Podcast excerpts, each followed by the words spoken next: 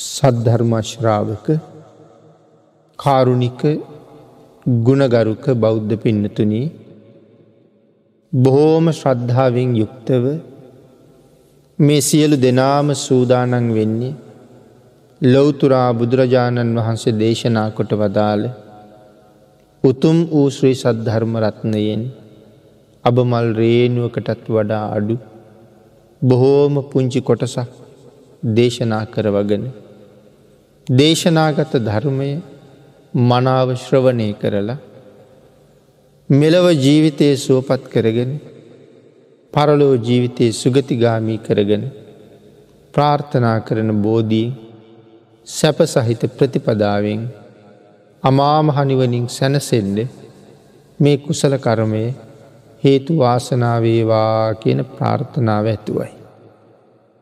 ධර්මශ්‍රවනය කරන හැම කෙනෙක්ම එවන් උතුම් මහත් බලාපොරොත්තුවක් පෙරදැරි කරගෙන බනාහන එක වටින බව අනීවරණ සූත්‍රෙත් දේශනා කොට වදාළ.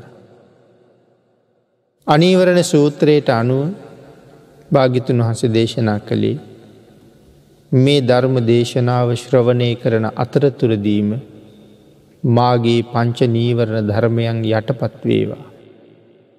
සප්ත බෝධ්‍යාංග ආදී ධර්මයන් වැඩී දියුණු වේවා.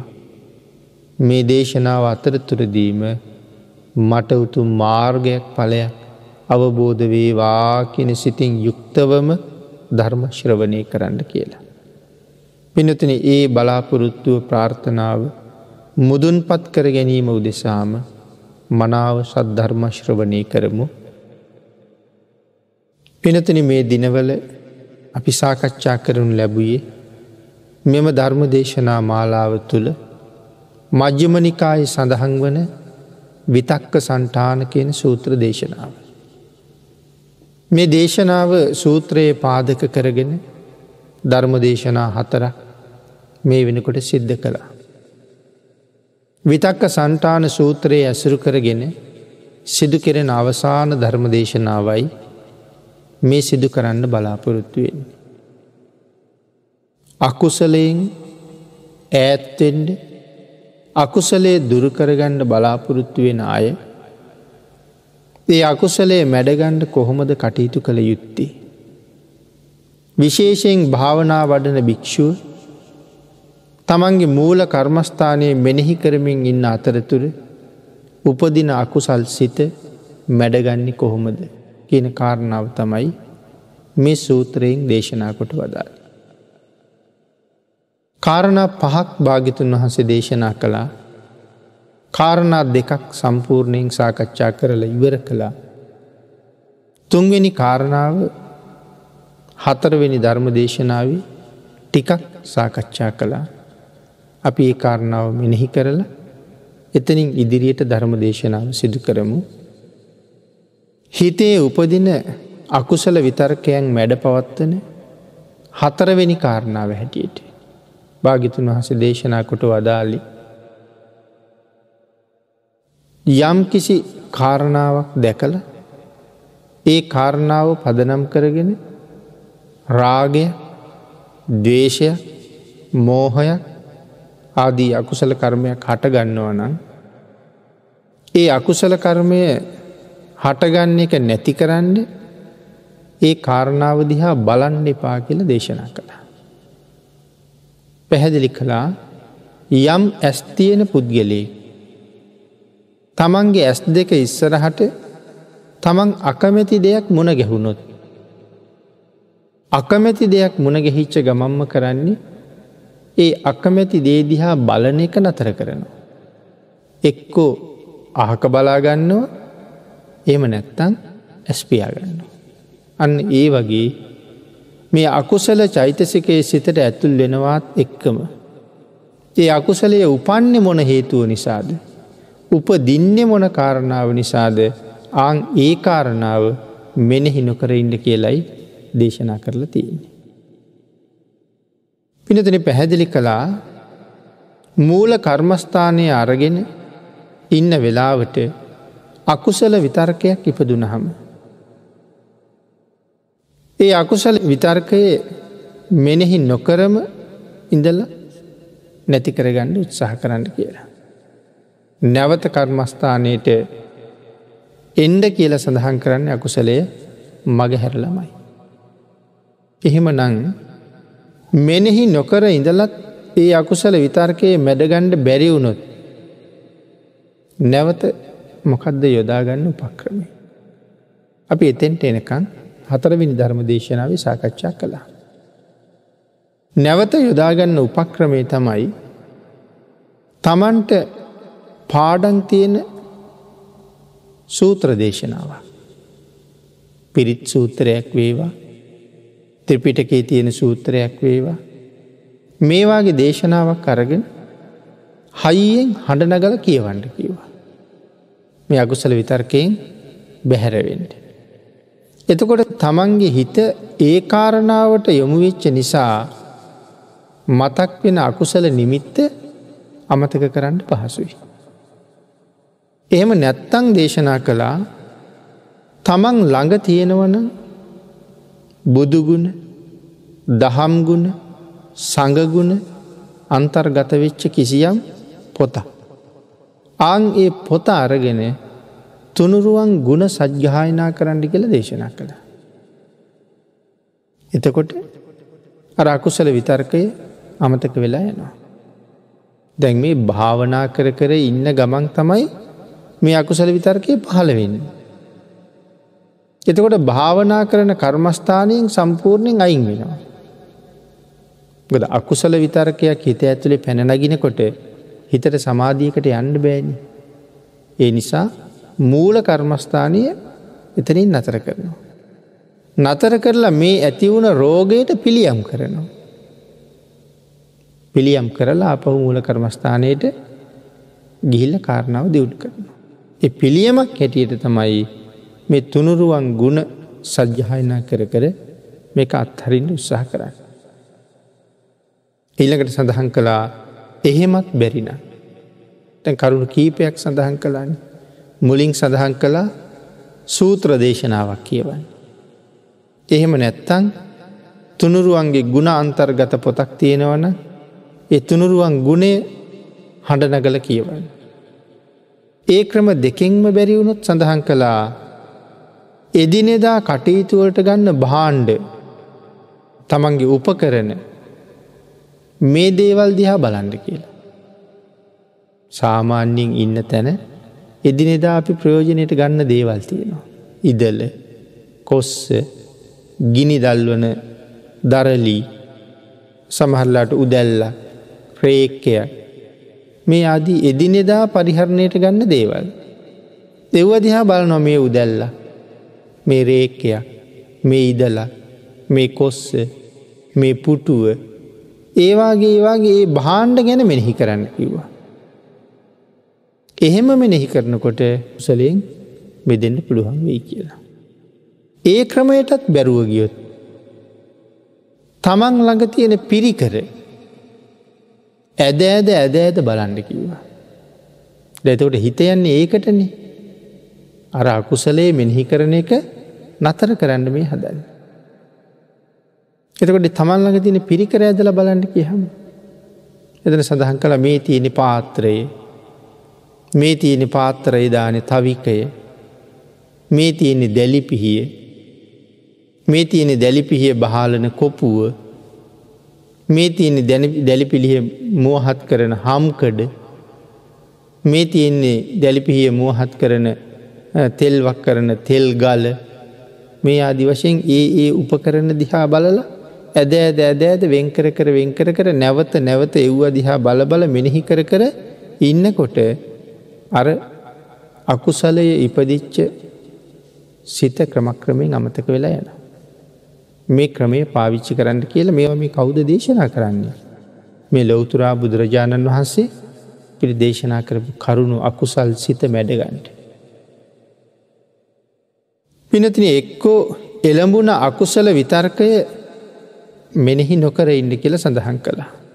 එහෙම බැරිනං ඉගෙන ගත්ත ධර්ම කරුණක් එහෙම නැත්තං සූත්‍රය මොනම හෝ ධම්ම පදයක් මෙනෙහි කරන්න කියල සඳහන් කළා. එහෙමත් නැත්තං එදිනෙදා පරිහරණය කරන උපකරන ඒ දිහා බලන්ඩ එහෙමත් නැත්තං තමන් ළඟ තියෙන පරිෂ්කාරාදිය ඇදල නැවත නැවත ඒව දිහා බලබල ඒව ගොඩ ගහන් අස් කරන්න කියලකිව. එතකොට අර කාරණාව මගේ හැරිල ඇයි කියලා. එහෙමත් නැත්තං මේ එදිනෙදා පරිහරණයට ගන්න භාණ්ඩත් බලල මේ දේවල් වලනුත් බැරිවුණු තමන්ගේ සිවුර ඉරිලනං ඉදිකට්ටක් අරගෙන ඒ සිවුර මහන්ඩ පටන් ගණඩ කිව්වා. එතකොට දැන් මහන ක්‍රියාව සම්බන්ධයෙන්නේ හිත යොමු වෙලා තියන්නේ. එතකොට දැ මේ ඉරිච්ච තැන මහලා ඉවර වෙනකොට අර අකුසල චෛතසිකය අකුසල් ලිපදිච්ච කාරණාව අමතක වෙලාය.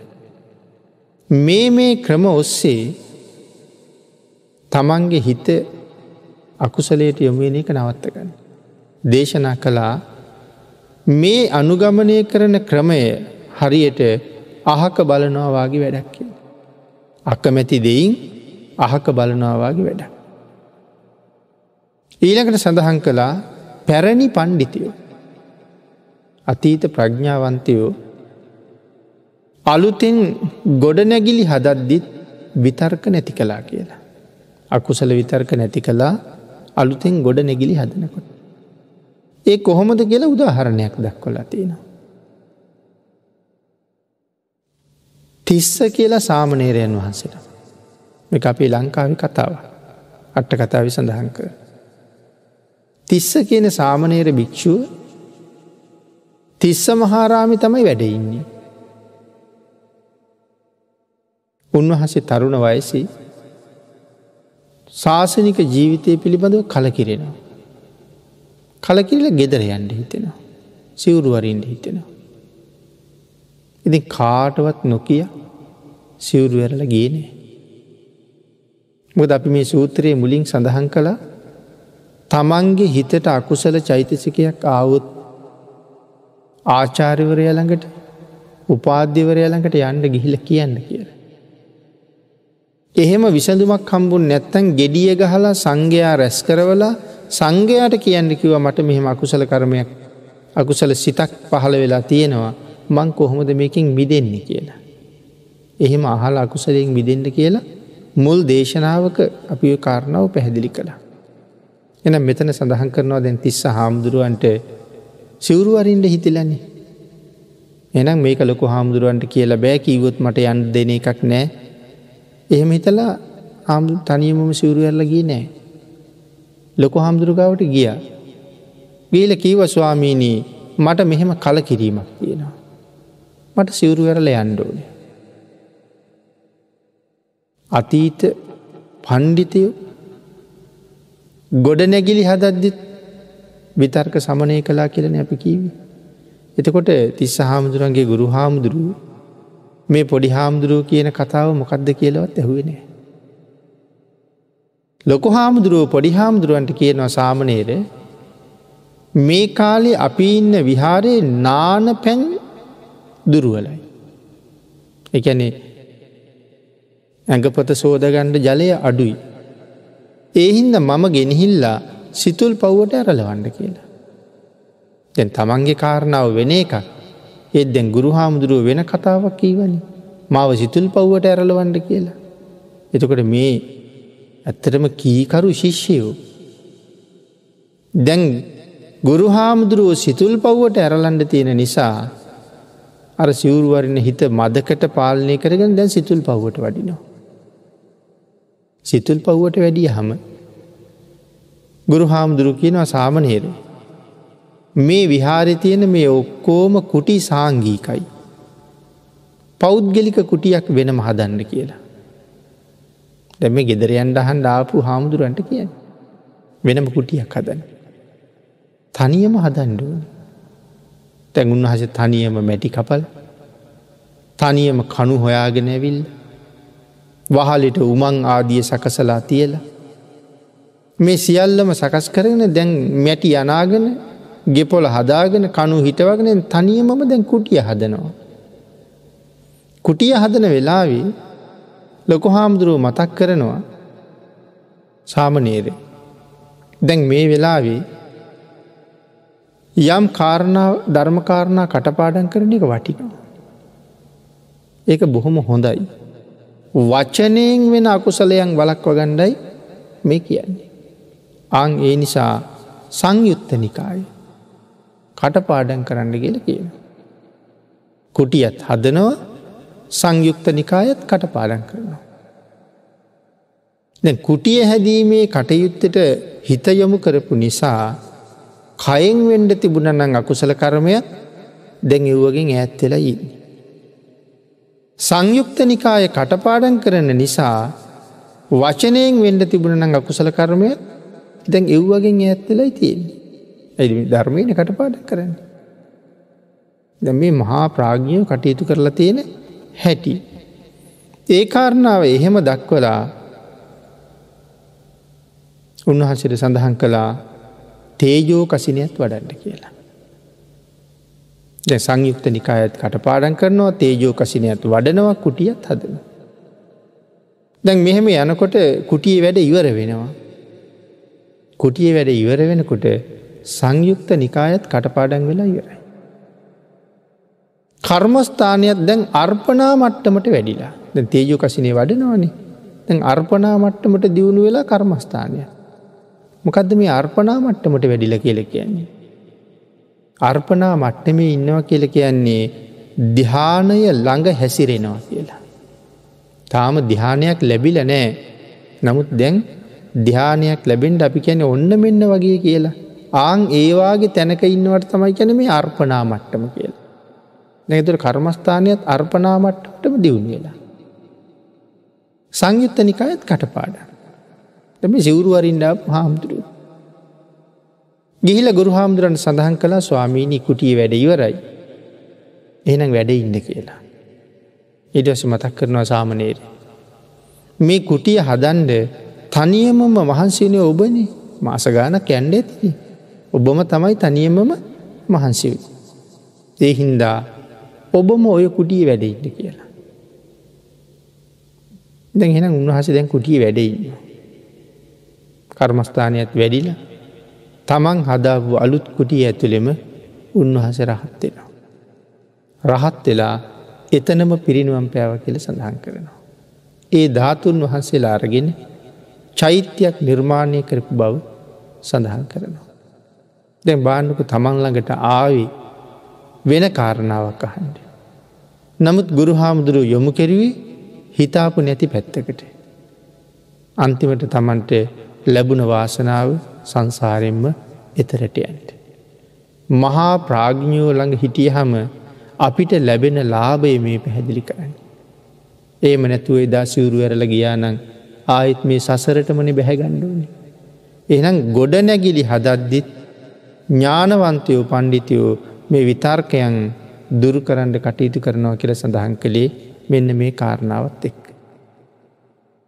එතකොට පින්නතුනී භාගිතුන් වහසේ සඳහන් කරපු කාරණාවට අට්ට කතා විසිහිපත් කරපු උදාහරණයක් තමයි අපි මේ සාකච්ඡා කරන්නට යෙදනේ ඊට අමතරව සිහිපත් කරනවා. උපාධ්‍යයන් වහන්සේගේ ප්‍රඥාව නිසා සිවුරු අරින්ඩ හිටිය කෙනෙක් සසරින් මිදුනා. අපි කතා කළ තුන්වෙනි ක්‍රමයට උදාහරණ තමයි මේ දීර්ගව සාකච්ඡා කරන්න යෙතුළ.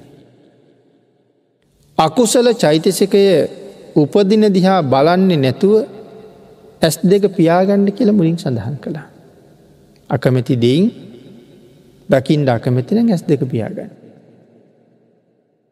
එහෙම නැත්තං අහක බලන්ඩ කියලා දෙවනි ක්‍රමයක් දේශනා කළා. ඇස් දෙක පියාගන්නවා කියලා කියන්නේ අකුසල විතර්කය මෙනෙහි නොකර ඉන්නවා කියන එකයි. අපි දහවල එදිනෙදා කටයුතු කරනකොට. නොයෙක් දේවල් දැකපු දේවල් ගැන අකුසල් ඇතිවෙන. පස්සේ හුඟාක් දෙනා කරන්නේ විවේකීව නිදාගණ්ඩ ගිහිල්ල හරි මේ දැකපු දේවල් මෙනෙහි කරනවා. හරි සතුටින් මෙනෙහි කරන. හැබැයි ඒක රාගය. දේශ සහිතව මෙනෙහි කරනවා. එක දවේශය මෝහයත් එක තියෙනවා. භාගිතුන් වහස දේශනා කරන්නේ පුළුවන් තරන් ඒ මෙනෙහිවෙරණ එක අත්හරින්ට. අංඒකට කියනවා අකුසල විතර්කය මෙනෙහි නොකර ඉන්ඩ අහක බලාගන්න.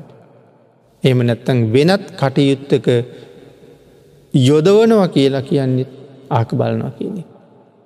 ඇස් පියාගණ්ඩ අහක බලන. කියන කරුණු පැහැදිලි කළා.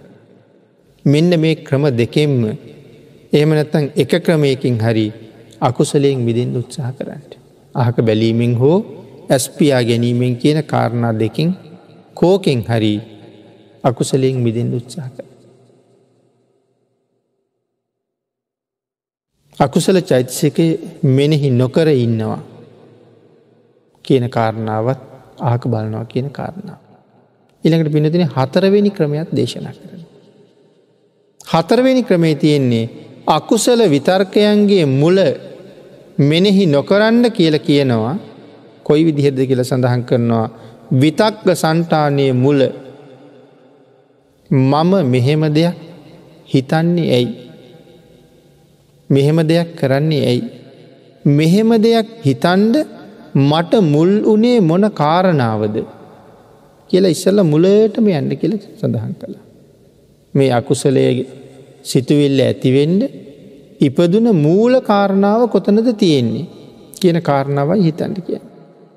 ඒක සඳහන් කළා දී ඇති උදාහරණයක් එක් පුරුෂයෙක් ඉතා වේගෙන් දුවනවා.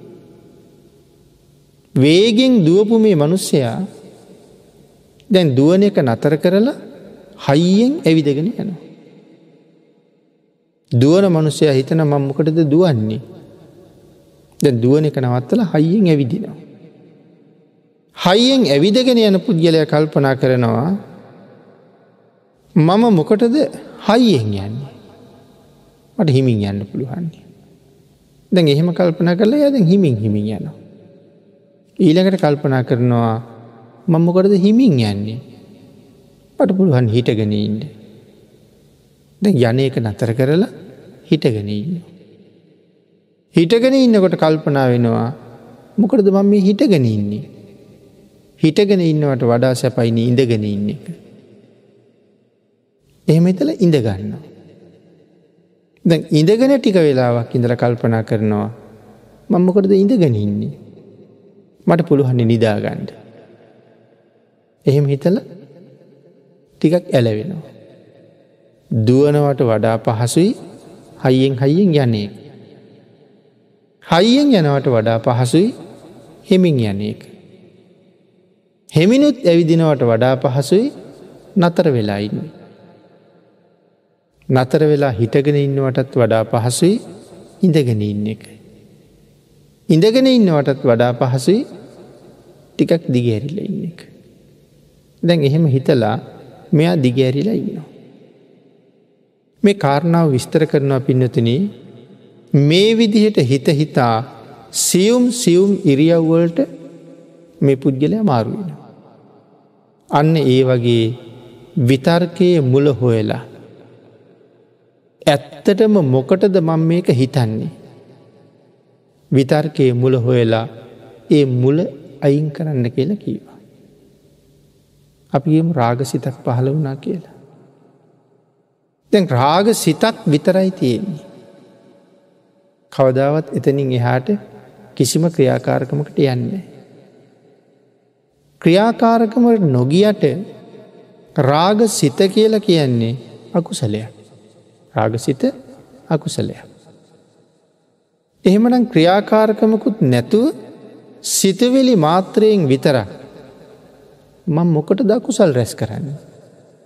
මේ හිත හිතා ඉන්න එකේ තේරුමක් තියෙනවද. තේරුමක් නැත්තං අකුසලයක් විතරක් මොකට හොයෙනවද. කියන කාරණාවට ගිහිල්ලා එක අත්තරල දාන්ට කියල මේ කියන්න. මුල්ලම හොයාගෙනයන්ට. ඇතන් තරහක් ඇති වුණා. මොකක් නිසාද තරහ ඇති වුණේ. මම තැනක තියාපු දෙයක් තව කෙනෙක් අරගෙන වෙන තැනකින් තියලා. මම තියාපු තැන තිබුණේ නෑ කියල තමයි මේ මහා දේශයක් ඉපදිලා තියෙන. ඇත්තටම ඒක මෙච්චර කේන්ති ගණ්ඩ කතානොකරඉන්ඩ රණ්ඩු සරුවල් කරන්න ගහගණ්ඩ තරම් වටින දෙයක්ද. කියල කල්පනා කරලා ආංගේ විතර්කයෙන් විදෙන්ට කියල කියන. මුලට ගිහිල්ල මුලින් මෙනෙහි කරන්න මොකක්ද මේ කිය.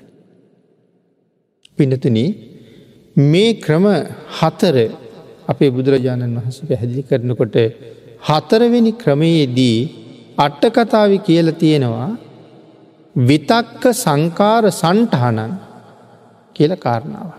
විතක්ක සංකාර සන්ටහනන්. මේක නිතරම මෙනෙහි කරන්න කියනවා.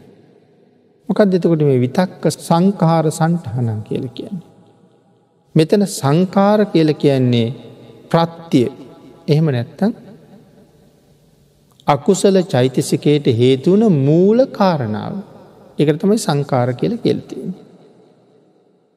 මේ විතර්කයට මොකද්ද මූලකාරණය රාගය එනම් මේ රාගය කොහොමද ඇතිවෙන්නේ. මොන හේතුව නිසාද ඇතිවෙන්නේ. කුමන කරුණක් නිසාද. මුලින් මතක් කළා එහෙම වුණොත් අසුබහිට යන. රාගයේ හිතට දැඩිසේ වද දෙනවන අසුබහිට යන්ට. අසුභ භාවනාව තමයි රාගය ප්‍රහීණය කරන්න තිය හොඳම හොඳම ක්‍රමේ. එන්න මේ රාගයේ දේශය මෝහය නැති කරන්න භාගිතුන් වහසේ සඳහන් කරපු මුල් කරුණටික මුලින් සාකච්ඡා කළා. රාගයේ නැති කරන්න නැතන් ගින්නක් තමයි උදාහරණයට පෙන්න්නේ. ගින්නක් නිමන්ඩ ක්‍රම කීපයක් යොදන්න පුළුව. ගිනිගන්න තැනට තෙත අතුදාලා ගින්න නිමණ්ඩත් පුළුවන්. ගිනිගන්න තැනට පස්දාලා ගින්න නිමණ්ඩත් පුළුවන්. හැබැයි ඔය ක්‍රම දෙකෙන්ම තැන්තැන්ගොල චුට්ට චුට්ටයි හරි ගින්දර ඉතුරුවෙන්ඩ පුළුවන්. එහෙම නෙවෙයි වතුර දැම්ම කිසි තැනක ඉතුරුවෙන්නේ සම්පූර්ණයෙන්ම ගින්න විනාසම වෙලා යනවා. ආංගේ වගේ තමයි රාගය ඇති වුණොත් නැතිකරගණ්ඩ තව ක්‍රම පාවිච්චි කරන්න පුළුවන් නමුත් අසුභ භාවනාව රාගය දුරු කරන්න තියෙන හොඳම ක්‍රමයයි. ගින්න නිමන්ඩ ජලය වැක්කිරුව හා සමානයි රාගයට අසුභ භාවනාව. එයින්ද මෙතන සඳහන් කරනවා මූල කාරණාව රාගය ඇතිවෙනවනං මොකටද මේ රාගයේ ඇතිවෙන්නේ. මේක මේ රාගයේ ඇතිවෙන්ට තරම් කරුණක්ද සමහර කෙනෙකුට ඇඳුමක් දිහා බලලත් රාගී උපදිනවා. සමහර කෙනෙකුට කෙනෙක් ගෙදරට ඇවිල්ල ගියා කියල කීවත් දවේශය උපදිනවා. ඉති මේ ඇඳුමක් දිහා බලල එක මේ රාගය උපදවන්න තරම් දෙයක්ද මේ ඇඳුම. අහවල් මනුසයා ගෙදර ඇවිල්ල ගියා කියල කියන්නේ මට කේන්ති ගණ්ඩ තරම් දෙයක්ද කියලා මූල කාරණාවට ගිහිල්ල එක දුරු කර ගණ්ඩ කියනවා. භික්‍ෂූන් වහන්සේ නමක් නං මෙන්න මෙච්චර සිල්පද ප්‍රමාණයක් ආරක්ෂා කරන්න මං පොරොන්දු වෙලා ඉන්නවා. ගිහි පාර්ශවය නම් නිත්‍ය සීලය පන්ස් පන්සිල්. සාමනේර ස්වාමීන් වහන්සේ නමකගේ නිත්‍ය සීලය සාමනේර දස සීලේ එතන සිල්පද දහයක් තියෙනවා. දිවි හිමියෙන් මේ සිල්පද ආරක්ෂා කරනවා කියලා පොරොන්දුවක් දීලයි තියෙන. එනම් සඳහන් කරනවා මෙච්චර සිල්පද ප්‍රමාණයක් රකිනව කියලා මං පොරොන්දු වෙලා ඉන්න. මම ආරක්ෂා කරන්න පොරොන්දු වන මේ සිල්පද ප්‍රමාණය මේ තරම් වටිනවා. මේ සිල්පද ආරක්ෂා කරන එක ඒ තරම්ම වටිනවා කියලා සිල්රැකීමේ ගුණය දන්න කෙන හොඳට දන්නවා. ජීවිතේම කැප කරලා. සිල් රකින්න පොරොන්දු වෙච්ච මම ඒ රකින සීලයේ කඩන්ඩ තරන් වටිනවද කියලා හිතන්ඩුවන. රාගසිතක් අරගෙන මේ රකින් සසර පුරා මට සුවයක් උදා කරලා දෙන මතු සංසාර ජීවිතයේ නිවන් දකිනතුරු සැපවත් කරන මේ මහා උතුම් සීලය කඩන්ඩ වටිනවද. පිනතින මේක ඕන කෙනෙකුට එකතු කරගන්න පුළුව. භාගිතුන් වහස දේශනා කළේ සුළු සැපය අත්හරින්ට කියලා. මද සැපය අත්හරින්ට. මහත් වූ සැපයක් බලාපොරොත්තු වෙන වනන් කෙනෙක් සුළු සැපය අත්හරින්න කිව්වා. පොඩි ළමේ සෙල්ලං කරන්න ගොඩා කැමති. සෙල්ලං කරනවා කියන එක ළමයට සැපයක්. හැබැ සෙල්ලං කරන එක නතර කරලා පාඩන් කරනවා ඉගෙන ගන්නවා පන්තියනවා කියන එක ළමයට දුක. නමුත් සෙල්ලං කරන්න දිග කාලයක් තියෙනවද. අවුරුදු දාහතක් අවුරුදු දහටක් විතර සෙල්ලමින් ගත කරයි. ඊට පස්සේ ටික ටික ජීවිතය වග කීමෙනවා. තාමත් අම්මගින් තාත්තකින් සල්ලිල්ලන්ඩ බෑ. මට කියල කීයක් හරි අතේ තියෙන්ට ඕන කියල හිතනවා. ඔය වයසර එනකොට ළමයි මොනවහරි හම්බ කරන්න යොමු වෙනවා. හුඟක් අයි. දැ සෙල්ලං කරපු කාලීවරයි. යම කම්භ කරගන්නට ඕන. හැබැයි ඒ අවුරුදු දාහතක් දහටක් වෙනකන් සතුට වනාන. තවලමේ ඒ සෙල්ලං කරන වයස පැත්තක තියලා හොඳට ඉගෙන ගත්තා. ඉගෙනගෙන අවුරුදු විසි පහක් විසි හයක් විතර වෙනකොට දොස්තර මහත්තයෙක් වෙලා. ඉංජිනේරු මහත්තයෙක් වෙලා. ලොකු පඩියක් ගන්න කෙනෙක් වෙලා. තැගයා හොඳ වාහනය කරගෙන හොඳ ගෙයක් හදාගෙන බොහොම සැපසේ ගමන් බිමං යනවා ජීවත්තෙනවා. සෙල්ලං කර කර හිටපු කෙනා ඉතාම දුකසේ දැන් ගස්වල ගෙඩි කඩනවා. පාරවල් වල වේලි වේලි වැඩ කරනවා. හේංවල කුඹුරුවල දුක්විඳිනවා. අවුරුදු හැටක් හැත්තෑවක් ජීවත්වෙනවා නම්. අවුරුදු දාහතක් විතර විනෝද වෙලා ඊට වඩා වැඩි කාලයක් දුක්විඳිනවා. ඉගෙන ගත්ත කෙනා අවුරුදු විස්සක් විසි පහක් ලොකු කැපකිරීමක් කරලා අවුරුදු හතලිහක් හතලිස් පහක් බොහොම සැපවත් ජීවිතයක් ඇත කරනවා. මද සැපය අත්හරින්ඩ මහත් වූ සැපයක් බලාපොරොත්තු වෙනවන. මේක ජීවිතය හොඳ ආදර්ශ පාටය. කෙනෙක් වැරදි කාම සේවනයට යනවා. ඔහු ඉතාම පොඩි වෙලාවකට සැපයක් වෙනවා. නමුත් ප්‍රතිඵලය අවුරුදු කෝටි ගාන ලෝකුඹු නිරේවල් වල ඉඳලා කටුයිඹුල් නිරේවල් වල ඉඳලා තවත් මහ භයානක නිරේවල් වල දුක්විඳිනවා. විනාඩි පහළුවක විශ්සක සතුටක් හොයන්ට ගිහිල්ල අවුරුදු කෝටි ගාන දුක්විදිනවා. ඇති මේ භික්ෂුවත් හිතන්නේ එකයි සිල්පදේ බොහෝම වටිනවා. ජීවිත පරිත්‍යයාගෙන් රකින මේ සීලය කොච්චර යහපත්ද. ඒ සීලය බිඳලා ලබාගණ්ඩ වටිනවද මේ රාගේ. මේ දේශය වටිනවද. අන්න එහෙම හිතලා ඒ සිත ඉවත් කරගන්නට කෙල සඳහන් කළේ. යම් සතෙකුට මේ වෙලාවේ අපිට ගහන්ඩ හිතෙනවා. මරන්ඩ හිතෙනවා. ඉතැඩක මදුරුවෙක් කනවා කියලා. මදුරුවට ගැහුව කියලා අපි ලොකු ලාභයක් නෑන. එකෙක් මැරුව හම අය කවදාවත් මදුරුව කන්න නැත්තං පොඩ්ලාභයක් තියෙන. නමුත් මේක මරල විරනට තව එකෙක් වහනුවන. දිහින ලොකු ලාභයක් නෑ. නමුත් එකෙක් තැලුව හම සංසාරයේ සිය දහස් ගණන් වාරවල අපිට තැලිල මැරෙන්ඩ වෙනවා. ඉතින් එතකොට ඒක මහා භයානක තත්ත්වකට යනවා. අන්න එහෙම හිතන්ඩ කියල සඳහන් කරනවා. එච්චර සසර තැලි තැලී මැරෙන්ඩ වෙනව නං මේ සතා තලන එක වටිනවද. එන ඒක වටින්නේ නැතිකාරණාව. සමහර වෙලාවක සඳහන් කළා කූඹිවාගේ සත්තු සමහරලාට රෑම් පිටිං ඉන්නවා. අපි ලොකූ වතුර බාල්දියක් ගෙනල්ල ඒ වතුර බාල්දිහන කූබි ඔක්කෝම තෙන් ගහගෙන යන මට ගිහිල්ල වැටෙන්නෙත් මහවතුරකට. හිතාමතානී වැඩි කළේ අපි ඉතින් සංසාරි නෑදෑයුත් එක්කම සිය ගණන් දහස් ගණන් වාරවල ඔය ගංවතුරවල් වගේ වගේ අහු වෙලා දුක්විඳින්ට හේතුවෙන කාරණාවක් වෙන්න පුළුවන්. නමුත්තර කූමිටික යනකං ඉවසන්ඩ පුළුවන් වුණාන. හමට විනාඩි පහලක් විස්සක් යනට ඒගොල්ල එතනින් අයින් වෙලා යයි. ඒක ඉවස්වානන් කොච්චර ලාභයක්ද. ආං එහෙම කාරණා ගැන විශේෂයෙන් හිතන්ඩ කියල කියනවා. ඊළඟට පිනොතනේ එකට උදාහරණිකුත් තියෙනවනේ. විඩුඩ බරජ්ජුරු අපි පිනතුන හල තියෙනවා. සාක්‍ය දේශයේ යටත් කරගණ්ඩ ගිහිල්ල සාක්‍ය වංශිකය ඔක්කොම සමූල ගහතනය කරලා රජ්ජුරු ආපහු යන.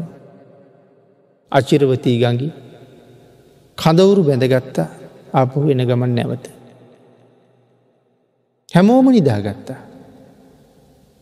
අචිරවතී ගඟ රෑ පිරිල ගලාගෙනවා රජ්ජුරුවයි ඇමතිවරුයි සේනාධිපතිවරුයි ඔක්කෝම ටික මහමුහොදට යනකම් අරන්ඩ.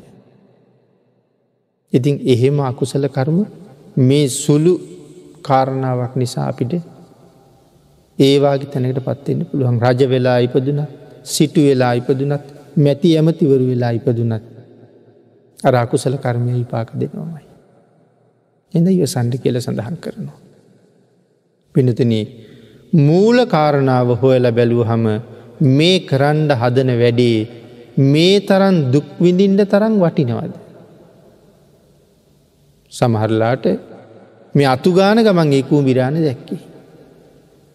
ඉති ඒ අයට වතුර දාලා අහකට දාලා මට තියෙන ඒටික අතු ගල නිකං ඉන්ඩ. මට නිකං ඉන්ඩ නම් තියෙන්නේ විනාඩි ද හැද්දොලා කිටියන කූබිටි කියනවා. ඒක ඉව සන්ඩ බැරුව කරගෙන තියෙන මහලොකු කරුමය. ඒකයි මේ සඳහන් කරන්න. මූල කාරණාවට ගිහිල්ල බලන්ට. මේක කරන්න වටිනවා. ඊළඟට සඳහන් කළා අර පුද්ගලයා වේගෙන් ගමන් කලානි අපි උදාහරණයට සාකච්ඡා කළා. ද ඒක පැහැදිලි කරනවා වේගෙන් ගමන් කරන කාලයේ අකුසල විතර්කය සහිතව ඉන්න කාලෙ වගේ. පුද්ගලය වේගෙන් යනවා කියල කියන්නේ අකුසලයත් එක්ක ඉන්න කාලේ වාගේ. සමානයි වේගෙන් යන. ඊළඟට සඳහන් කළා මේ පුද්ගලයා බොහොම වේගෙන් දුවනවා. එතොට දුවන එක මොකක්ද. වේගෙන් දුවනවා වගේ කියල කියන්නේ අකුසල විතර්කයේ ඇති වෙනකල්. ඉස්සරලා මකුසලේ හටගත්ත කාලයක් තිබුණන්නේ. ඒ හටගත්ත කාලි වේගෙන් දුවනවා වගේ. එතකොට හයියෙන් යනවා කියල කියන්නේ ඒ හටගත්ත විතර්කයත් එක්ක අපි ජීවත් වෙන කාලේ හයියෙන් හයියෙන් යනවා වගේ. ඊළකට හයියෙන් ගියපු කෙනට හිතරවන මොකටද ම හයියෙන් යන්නේ හෙමින් ගියානම් හොඳයි කියලා. එතකොට හෙමින් ගමන් කරන කාලය අකුසල විතර්කය අයින් කරගණ්ඩ උත්සාහ කරන කාලි. අකුසලේ ඇවිල්ල ඉතින්ද අකුසලේ මිදෙන්ඩ ඕන. ඒකට උපායවල් හදනවා දැන් අකුසලයෙන් මිදෙන්ද. ඒකට කියනවා හෙමින් ගමන් කරන කාලය කියලා. එතකොට හෙමින් ගමන් කරපු කෙනාට හිතුනා මොකටදමං හෙමින් යන්නේ නතර වෙලා ඉන්නවන. ඊට පස්සේ සඳහන් කරනවා හිටගෙන ඉන්නවා කියලා කියන්නේ ඇතිවෙන අකුසල විතර්ක නතර කරලා මූල කර්මස්ථානයට නැවත යනවා. භාවනා කර කර ඉන්නකොට අකුසලේ ඇති වුණේ. දැන් එතකොට නතර වුණා කියලකෙන අකුසල ටික ඔක්කොම අයින් කරනවා. අයින් කරලා ආය පාරක් මොකේට දෙයන්නේ තමන් කර කර හිටපු භාවනාවට යනවා. කාරණව පේඩි පැහැදිලි ඇති. අපිකම මෛත්‍රී භාවනාව වඩනෝ කියලා. මෛත්‍රී සිත පතුරෝ පතුරෝ ඉන්නකොට හදිසියේ හිතර දේශ සිතක් එනවා. වෛර සිතක් එනවා. එ වෛරයයි මෛත්‍රියයි දෙක ප්‍රතියරුද්ධයිනි. අන්න ඒක හින්දා. දැන්ගේ වෛරී සිත අයින් කරන්න මෛත්‍රී සිත පැත්තක තියලා ඇවිල්ල මේ අකුසල සිත නැති කරගන්න කටයුතු කරනවා. අකුසල සිත ඇතිවෙන කාලෙ වේගෙන් යනවා ඒ අකුසල සිතත් එක ඉන්න කාලේ හයියෙන් ගමන් කරනවා අකුසල සිත නැති කරන්න ඕන කියල කටයුතු කරන එක හෙමින් ගමන් කරනවා අකුසල සිත නැති කරගෙන නැවත මෛත්‍රී කර්මස්ථානයට යනවා කියන එක තමයි හිටගෙන හිටගෙන ඉන්නවා කියල කියන්න. ඊළකට ඉඳගෙන ඉන්නවා කියල කියන්නේ ඒ මූල කර්මස්ථානයේ වඩලා රහත් වනා කියන එකයි. මොකටද මම හිටගෙන ඉන්නේ මං ඉඳගන්න ඕනැනි කෙල ඉඳගත්තා. එතුර ඉඳගත්තා කියල කියන්නේ කර්මස්ථානයේ දියුණු කරලා රහත් වනා කියන එකයි. ඊට පස්සෙ කල්පනා කලා මොකටද මම ඉඳගෙන ඉන්නේ දිගැල්ල හිටියන හොඳයි. දෙන මොකද මේ දිගඇරල හිටිය කියලකෙනත නිදාගත්ත කියල කියන්නේ. නිදාගත්ත කියල කියන රහතන් වහන්සේ නිවන අරමුණු කරලා පල සමාපත්තියට සමවදිනවා කියන එකයි. එනම් පැහැදිලි කළා රහතන් වහන්සේට වෙන කරන්න දෙයක්නේ. තමන් වහන්සේ විසින් වෙහෙසිලා වෙහෙසිලා පාරමී පුරලා ගුණපුරල ලබාගත්ත උතුම් අර්හත්තේ. ඒ උතුම් සුවය සමාපත්තියෙන් බුක්ති විඳිනවා සමාපත්ති සුවය බිඳිනෝ. සඳහන් කලා මෙතනට එක ජාතක කතාවක්. අපිගේ මූල අකුසලේ මුල හොයන්න කෙල් නිස්සරල. අපි පිනතු නහල තියෙනවර හාවි හාවික් දුවගෙන දුවගෙන යනවා පොලෝ පෙරලෙන්ඩෙනවා නැත අහස කඩා වැටෙනවා කියලා. හාව දුවනකොට අනික් සත්තු හනුව ඇයි දුවන්නේ කියලා. මෙයා කාරණාව කියනවා. ඔක්කෝම දුවන. දැන් විශාල සත්තු ප්‍රමාණයක් දුවනවා. එතකොට සිංහෙක් කම්බෙනවා. සිංහයා අනෝ කොහෙ දොක්කොම දුවන්නේ. එතොට මේ සත්තු කෝම සිංහයට කියනව කාරණ. කෞුද කීවේ අර හාව තමයි කීවි. හාව ගාවට යන. හාවගින් ඇහුව හම කියනවා මන් තැනක නිදාගෙන හිටිය. තර මහා සද්ධයක් ඇහුණ. මංහිතු අහස කඩා වැටෙනවා කිය. දැම්මි දුවන. සිංහ කල්පනා කළ එහෙම වෙන්ඩ බෑන්නේ. හා බලන් දෙයන් දැන් සත්තු ටිකත් අඩගහගෙන හාවත් අඩගහගෙන හාවන් නිදාගෙන හිටපු තැන්ට යනවා. මුලට ගිහිල්ල හොයන්ඩ යන්නේ. ගෙහින් විම සිලිමත් වුණා ආ මූල කාරණාව හම්බුණ. මොකත් තල් අත්තක්කුඩට බෙලිගෙඩියක් වෙටිලා. හාවට නින්දෙන් ලොකූ සද්ධයක් එහිලා. හාව මූල කාරණාව හිව්වෙ නෑ ඉවක් බවක් නැතුව දුවනෝ අනික් කට්ටියත් දුවනවා. එන මුලට ගිහිල්ල හොය හම එහෙම දුවන්ඩ තරන් දෙයක් තිබුණේ තිබුණි නෑ. එන මුලට ගිහිල්ල බලහම මේ තරං රාගයක් උපදවා ගණ්ඩ දෙයක් මෙතන තියෙනවද. දේශයක් උපදවා ගණ්ඩ දෙයක් තියෙනවද කියලා හිත නිදහස් කරගණ්ඩ පුළුවන් එහෙම කටයුතු කරපු උතුමෝ තමයි දීව හයියෙන් ඇවිද්ද හෙමින් ඇවිද්ද හිටගෙන හිටිය ඉඳගත්තා ඇලවුණ. කියන කාරණාව අපි සාකච්ඡා කළේ මේක තේරුම් ගන්න. ඉන් පසුව පින්නතුනේ අන්තිමට සඳහන් කරනවා විතක සන්ටාන සූත්‍රී පස්වෙනි කාරණාව. අපි ඒ කාරණාව කෙටියෙන් සෙහිපත් කරලම ධර්ම දේශනාව නිමා කරමු මොකදද මේ අකුසලේ මඩින පස්වෙනි කාරණාව. අකුසලයක් හිතට එළඹිලා තියෙනවා. එක මගහරව ගණ්ඩම බෑ. සඳහන් කළා උඩු දත් ඇන්දයි යටි දත් ඇන්දයි එකට තියලා හයියෙන් තද කරන්න කියලා. එතට වේදනාවක් කිනවා. හයියෙන් තද කරගත් හම වේදනාවක් කියෙනවා. ඒ වේදනාව දැනෙන්ට දැනෙන්ට එම එහෙම්ම ඉන්නවා. ඒ වේදනාව නිසා අපිට හෙමින් හෙමින් අකුසල විතර්කය අකුසල විතර්කය හිතින් පහවෙලා යන. ඒක අමතක වෙලා මේ වේදනාව ඉස්මතුවෙන්ට පටන් ගන්නවා. මෙන්න මේ ක්‍රම පහෙන් කොයි ක්‍රමෙන් හරි. හිතේ උපදින රාගය දේශය මෝහය නැතිකරගණ්ඩ උත්සාහ කරන්න කිවා. යම් පුද්ගලයෙක් ආංගේ අකුසල කරමයක් නැති කරගත්තු. මේ ක්‍රම පහම පාවිච්චි කරලා. ඔහු හරි ශ්‍රේෂ්ඨයි. උදාහරණයක් පැහැදිලි කළා. රාජකුමාරයෙක් යනවා ගුරු ගෙදරට ශිල්ප ඉගෙන ගන්නට. ගුරු ගෙදරදි රාජකුමාරයාට රජෙක් විසින් පරිහරණය කරන ආයුද පාවිච්චි කරන හැටි මනාව උගන්නනවා. ඉගෙන ගත්තට පස්සෙ ගුරුවරය කියනවා දැන් හරි ඔබට උගන්න ලයිවරයි යන්ඩ.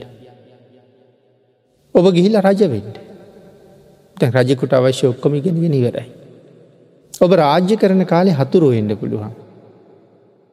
හතුරුවාවොත් මුලින්ම ගණ්ඩ දුන්න දුන්නෙන් පහර දෙන්නවුන්ට ඊතල විදින්ට. ඊතල විදලත් හතුරු මෙල්ල කරන්න බැරිවුණොත් කඩුව ගන්න. කඩුව පාවිච්චි කරලත් හතුරු මෙල්ල කරන්න බැරිවුණොත් ඊළඟ ආයුධයටයන්. ඒකෙන් බැරිවුණොත් ඊළඟ ආයුධයටයන්ට. ආයුධ පහක් තියෙනවා. මේ ආයුධ පහින් කෝක පාවිච්චි කරලා හරි හතුරුව මැඩ පවත්තන්ට. එතකොට ඔබට ආපහු ඔබේ රාජ්‍ය සුරක්ෂිතයි. භාගිතුන් වහන්සේ භාවනා කරන භික්‍ෂුවට ශ්‍රාවකයට මේ සූත්‍රයේ කරුණු පහක් දේශනා කරලා තියෙනවා. අකුසලේ මඩින්. පළවෙනියකින් බැරිවුණොත් දෙවනියකින් දෙවනියකින් බැරිවුණුත් තුන්වෙනියකින් තුන්වෙනියකින් බැරිුණුත් හතරවෙනියකින් ඒකෙන් බැරිවුණුත් පස්වෙනියකින් කොහොම හරි අකුසල්ටික මැඩ පවත්තන්ට. ආං එහෙම මැඩ පවත්වන පුද්ගලය හරි ශ්‍රේෂ්ඨයි. පිනතින මේ උඩුදත් ඇන්දයි යටිදත් ඇන්දයි එකට හපාගෙන ඉන්නව කියල කියන්නේ චතුරංග සමන්නාගත වීරේ. මොන්න ක්‍රමෙන් හරි මේ අකුසලය මැඩ පවත්වනවා මයි කියන වීර්ය අධිෂ්ඨාන කරන්න ඕනේ. එකයි මෙතන සඳහන් කරලා තින්නේ. අපිට මෙහෙම සුළුවෙන් කතා කරන්න පුළුවන් වුණාට මෙතන තියෙන්නේ හරි ශ්‍රේෂ්ඨ හරි ගැඹුරු කාරණාව. යමෙක් මේ කාරණාවෙන් අකුසලයෙන් දිනනවනං ඒ පුද්ගලයා තමන්ගේ හිත තමන්ගේ වසඟයට ගත්ත කියල කියන්නේ. හිත තමන්ගේ වසඟයට ගත්ත කියල කියන්නේ. තමන්ට ඕන දේ විතරයි හිතයි. වාහනේ අයනකොට අපි වාහනේ අපේ වසඟයට අරන්තියෙන්. වාහනයට ඕන දිහ යන්න දෙන්නේ වාහනයන් ඕන අපිට ඕන දිහා. අපි වසඟයට අරන්තියෙන්. අං ඒවාගේ අපේ හිත අපේ වසඟයට ගත්තහම හිතට ඕන දේවල් කරන්න බෑ මට ඕන දේ කරන්න ඕනේ. එහෙම අය ලෝක ඉන්න පුළුවන්ද. එහෙම අය මේ සම්බුද්ධ ශාසනය විතරයි හිටිය. ආං ඒ පිළිබඳව කරුණු සඳහන් කරනකොට ධම්ම පද පාලියත් බෝ කරුණු පින්නතින පැහැදිලි කරලා තියෙනවා. දූරංගමං ඒක චරන් අසරීරං ගුහාසයන්. ඒ චිත්තං සංය මෙස්සන්ති යමෙක් තමන්ගේ හිත සංවර කරගත්තනං මොක්කන්ති මාරබන්ධන. ඔහු මරණයෙන් මිදුන වෙනවා. ඒ ඇන ආය කවදාවත් මැරෙන්නේ නෑ. හිත සංවර කරගත්ත කෙනා එක පාරයි මැරෙන්. එකන රහතන් වහන්සේ. පිරිනිවම් පෑවට පස්සේ ආය මැරෙන්ඩ උපදින්නේ. ඒක යමරණීයයි කියලකි. ඊළඟට සඳහන් කළා සචිත්ත පරියෝ දපන භාගිතුන් හසක දේශනාව මේක තමා බුද්ධහකම. සචිත්ත පරියෝ දපන තමන්ගේ හිත දමනය කරගත්. ඒ තං බුද්ධහන ශාසන ඒකයි බුද්ධහගේ. එන බුද්ධාගම කියල කියන්නේ ඒ කාන්තයෙන් හිත හදන වැඩ පිළිවෙට. මේ හිත හදාගත්ත කියල කියන්නේ සංසාරයෙන් මිදුන කියන. ඒකයි බුද්ධාගම. එන පිනතින විතක්ක සන්ටාන සූත්‍රයේ මෙතනින් සමාප්ත කරනවා.